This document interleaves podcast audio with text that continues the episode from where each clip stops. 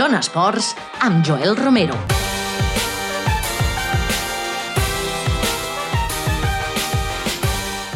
Doncs som amb aquesta edició express d'aquests Zona Esports amb un servidor, el rookie d'aquest programa com és uh, un servidor, Joel Romero, acompanyat a les vies de so del tècnic All-Star, el Ricard Porcuna, a les vies de so. Comencem.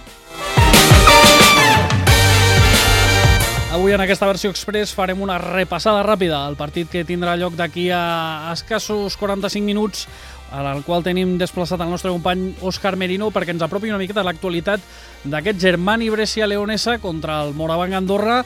Aprofitarem també per parlar amb l'esquiador Joan Verdú, perquè avui s'ha fet la presentació de la temporada oficial d'esquí alpí, i farem una darrera repassada a aquesta prèvia del partit que disputarà la selecció andorrana de futbol contra Geòrgia. Tot això i molt més aquí, al Zona Esports.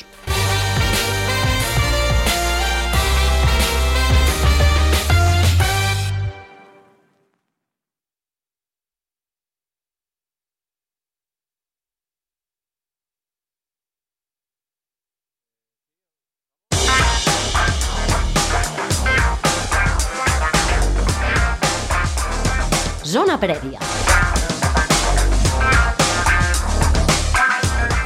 Doncs eh, ho avançàvem al sumari, tenim el nostre company Òscar Menino desplaçat a Itàlia, a la regió llombarda de Brescia, per comentar una miqueta aquest partit que tindrà lloc d'aquí a escassament, com dèiem, re, mitja horeta ja el tindrem disponible. Bona nit, Òscar. Què tal, Joel, com esteu? Tot bé, explica'm una miqueta com pinta aquest partit important de cara a la classificació pel top 16. Sí, des del Pala Leonesa, aquest pavelló que estrena aquesta temporada al, al Brescia, doncs veurem que de què és capaç aquest eh, Moravang Andorra, que arriba en un eh, bon moment de, de forma, també anímic, aquest eh, compromís de la setena jornada de l'Eurocup, després de guanyar de forma consecutiva el Real Madrid, el Galatasaray i el Basconi, és a dir, esperem que avui arribi la quarta victòria consecutiva, seria la quarta a l'Eurocup, la segona consecutiva a la competició continental i per fi sumar una victòria fora de casa a Europa que fa més de 20 anys de la primera i única, i única vegada. Veurem si és capaç avui l'equip d'Ivon Navarro allargar aquesta dinàmica positiva de, de victòries. Un partit important per uns i, i pels altres. El conjunt eh, italià busca la que seria la seva tercera victòria. Òbviament està més necessitat a la classificació en aquest objectiu de classificar-se pel top 16 de la Eurocup i el Moravang Andorra que suma tres victòries també vital intentar sumar avui un triomf per apropar-nos una mica més a l'objectiu també del, del top 16. Un eh, partit doncs, que a la primera volta es va decidir a favor del conjunt del, del Principat, un marcador eh, prou eh, avoltat el que es va donar a la, a la primera volta. Esperem que es pugui repetir en aquesta segona. I vaja, ja esperam que sigui dos quarts de nou perquè comença aquest enfrontament entre el Brescia Leonesa i el Moravang Andorra. Eh, Òscar, pavelló molt maco, per això que comentaves ara que l'han estrenat aquest any, i sobretot també una afició potent, la italiana.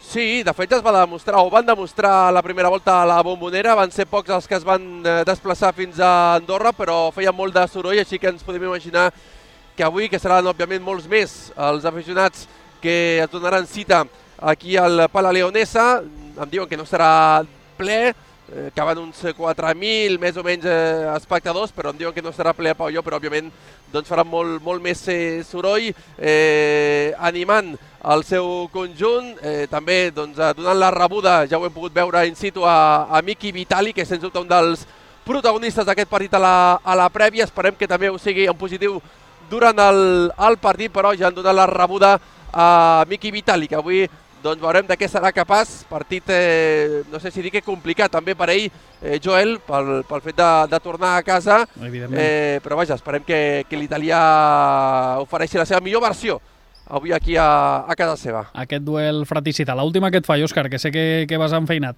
Eh, simplement comentar que se suposa que haurà de ser un partit força diferent, no?, al que vam veure al, aquí al poliesportiu. Doncs suposem que sí, pel fet de, de que l'equip eh, italià a casa, que això segur que li donarà un, un plus, un extra. Nosaltres, al Moravang Andorra, doncs li passa habitualment al contrari quan juga fora de, de la bombonera, sense tenir a l'afició la, al seu favor. Uh, la primera volta va acabar amb un 110 a 91, una victòria prou avoltada fora del conjunt d'Ivon Navarro. Veurem de què succeeix avui a partir de dos quarts de, de nou del, del vespre. Però vaja, eh, confiem, confiem en aquest equip que ha ressuscitat, com aquell que diu, amb aquestes tres victòries consecutives. Aquí es parla molt del que ha estat capaç de fer el Morabanc Andorra en els darrers enfrontaments contra Madrid, Galatasaray i, i Bascònia.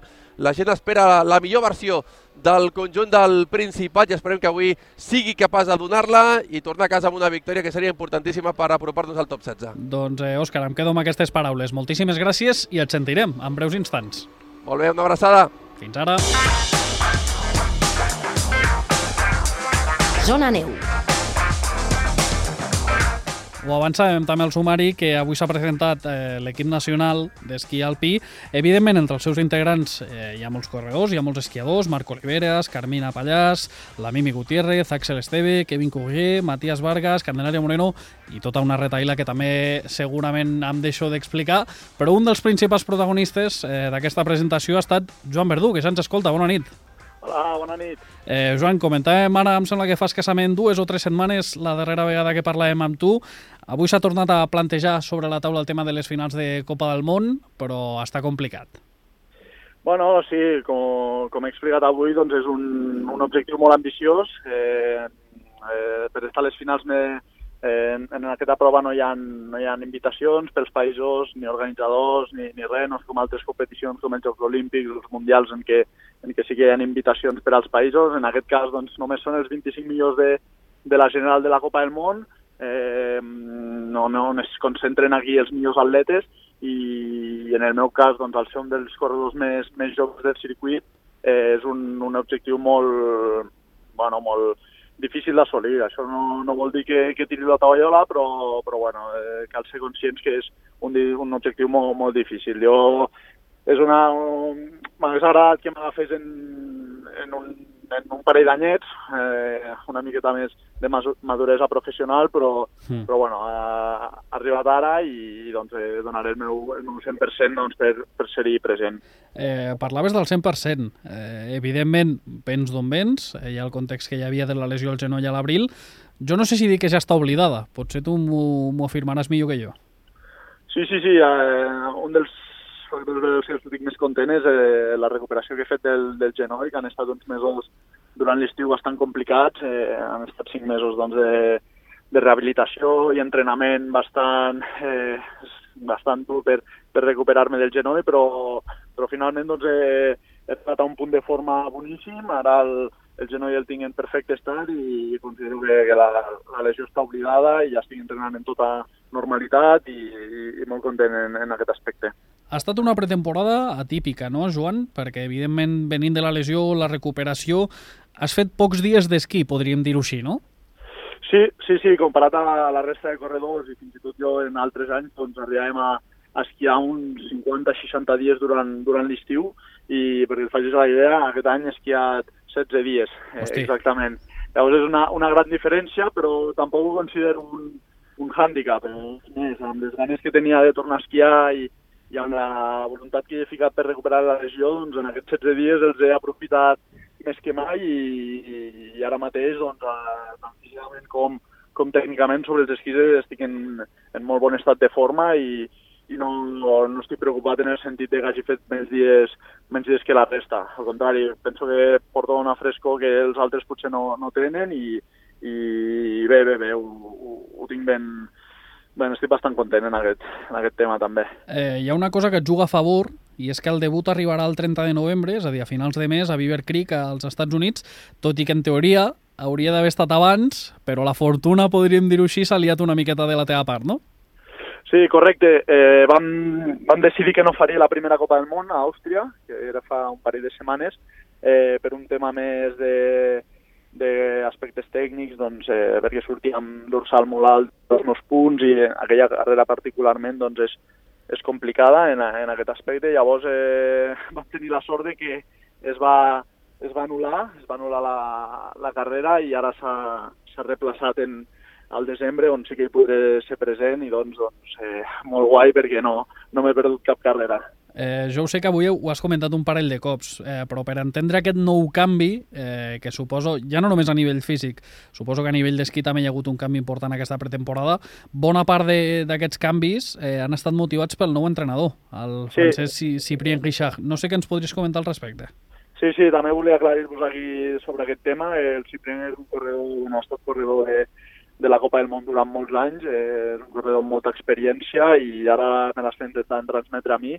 Eh, una mica el meu, el meu estil d'esquí era una de molt, molt agressiu i molt, mm, bueno, doncs, donant-ho tot a, a cada porta i eh, potser pecava una mica una mica en aquest sentit, doncs, perquè te- tenia moltes caigudes i sortides de pista. Pot I ser ahí precipitat, no, Joan? Sí, bueno, eh, també s'ha de... És com les de les de, de Copa del Món, com, com les que faig ara, doncs hi ha punts que no pots anar eh, en plan kamikaze, diria. Clar. Llavors s'ha de ser més intensament en alguns punts en què jo no ho era i, i m'està portant aquest, aquest punt doncs, de regularitat i de confiança que, que em faltava. Llavors, eh, molt, molt content amb el meu, amb el meu staff, ara mateix amb el Ciprienc i el Toño, que és el meu preparador d'esquís. Hem fet un bon, un bon grup i, i bueno, doncs, molt motivat per, per la temporada. Jo t'ho comentava també perquè suposo de cara a la lesió, eh, suposo que el, el Ciprien t'ho haurà comentat més que potser l'agressivitat, eh, almenys a les primeres curses potser de passar un segon terme, no? És a dir, no sé si l'alment ha anat per aquí una miqueta o, o què és el que ens pots comentar tu. Bueno, el que vam veure és que eh, els corredors de Copa del Món són molt regulars, eh, fan 10 carreres, doncs les 10 han de ser, han de ser bones i ens vam adonar que, que jo de 10 carreres eh, a la meitat em, em, em queia o feia sortides de pista i sí que és veritat que a les que arribava doncs, feia molt bons resultats, però, però havia de ser més constant. I ell el que m'ha portat doncs, una mica és a, a, en aquest aspecte doncs, ser més, més regular, més, més, bueno, més incident en, en parts que, que no, no, no, no he de prendre tant risc i això doncs, m'està portant a un esquí més segur i més confiat. Eh, comentàvem el tema d'entrar entre els 25 millors. Jo crec que una miqueta, i avui ho heu comentat, que el gran objectiu, més enllà dels 25 per les finals, és estar al top 30, no? Que ja ho has fet algun cop, però almenys això que comentaves ara de, de la regularitat, potser, no? Sí, correcte. Eh, tenint en compte els dorsals que tinc, doncs, eh, sortint amb el dorsal 70, la pista i les condicions no són les mateixes i jo penso que un objectiu molt ambiciós i, i realista és, és intentar lluitar per aquest top 30 en les carreres. L'any passat va ser el primer any que feia el circuit de Copa del Món sencer, llavors aquest any doncs, conec les pistes, això també és un punt a favor que tinc eh, respecte a l'any passat, i l'objectiu és aquest, doncs, entrar entre els 30 millors per eh, competir en la segona màniga i a partir d'aquí, doncs, eh, amb, amb millor dorsal en la segona màniga intentar fer grans mànigues per eh, recuperar alguna posició. Eh, Joan, les dues últimes. Eh, sempre s'ha dit que ets un esquiador polivalent, eh, això és evident, però aquesta temporada sí que és veritat que potser t'has decantat més per un estil que no pas per un altre. Sí, hem, hem volgut ficar el, el punt fort sobre, sobre el gegant, perquè, i el supergegant també, són les disciplines una miqueta eh, més tècniques, on sense deixant de banda l'eslàlom, que ja no, ja no l'entreno. I, I pensem que és important, no? perquè al final doncs, eh, temporades com, com la passada he assolit bons resultats per tot arreu, però eh, els corredors de Copa del Món doncs, es dediquen a una o dues disciplines i jo l'intentar fer totes les disciplines doncs, perdia una miqueta de, de nivell i de, de qualitat d'entrenament i doncs penso que en aquest any, eh, centrant-nos en el gegant, doncs, eh, penso que, que pot anar molt millor, més regular, doncs això també m'ha ajudat i, i doncs eh, ho hem encarat en aquesta línia. Llavors la velocitat que es necessita més maduresa, més físic, més tot, doncs anirà venint poc. Eh, Joan, la última que et faig. Eh, per on passarà la teva preparació fins a aquest debut a, a Beaver Creek? Digue'm, perdona, eh, no t'he sentit Dic eh, que per on passa la preparació que tens fins a Sí. aquest debut a Beaver Creek? Sí, sí, hem estat ara entrenant físicament molt, molt, molt fort perquè les condicions per esquiar aquí a Europa no eren... Em sembla... Eh, Joan, no sé si ens sents. T'hem perdut un I moment. bueno, doncs, preparant, preparant eh, mentalment també les carreres que que bueno, doncs eh, estic molt, molt content i motivat, però això no m'ha de, no m'ha de, de, de fer sortir del, del treball que estem fent fins ara, que és molt, molt, molt centrat i, i llavors doncs, eh, una miqueta va per aquí la cosa. Veure com, com estan les condicions als Estats Units i fer les primeres carreres allà al 100%. Doncs, eh, Joan, em quedo amb aquestes paraules. T'hem sentit una miqueta entretallat, però jo crec que s'ha entès la, la idea general de que la veritat és que la neu potser aquí és veritat que està un pelet eh, diferent. Simplement agrair-te que hagis atès la nostra trucada, perquè ja sé que t'ho hem demanat en molt poc temps, i de, de desitjar-te moltíssima sort de cara a aquest debut. Cap problema, moltes gràcies a vosaltres. Bona nit.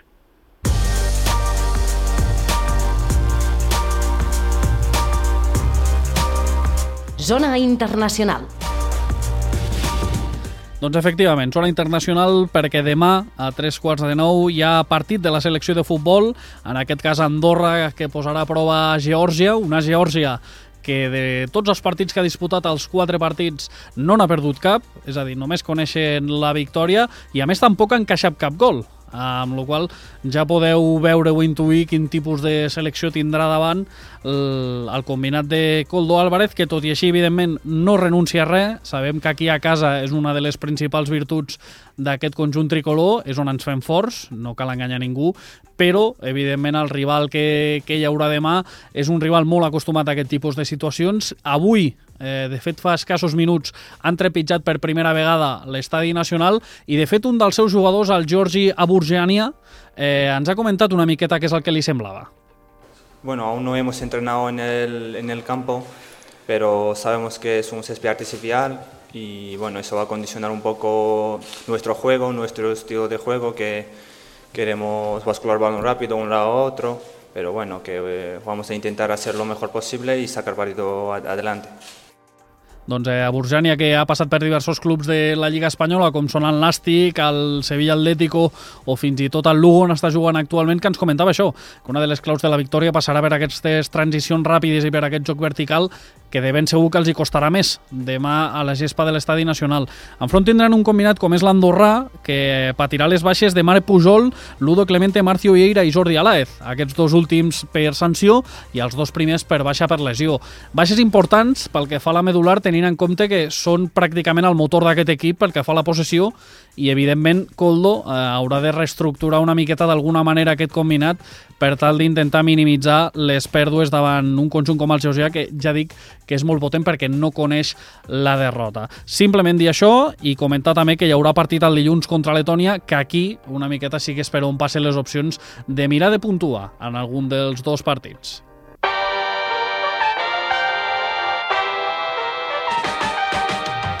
I com deia, aquesta ha estat una versió express d'aquest Zona Esports. Rebeu una salutació cordial d'un servidor, Joel Romero, aquest rookie del Zona Esports, acompanyat, com sempre ben acompanyat, del tècnic All-Star, als controls de so com és el Ricard Porcuna. Bona nit!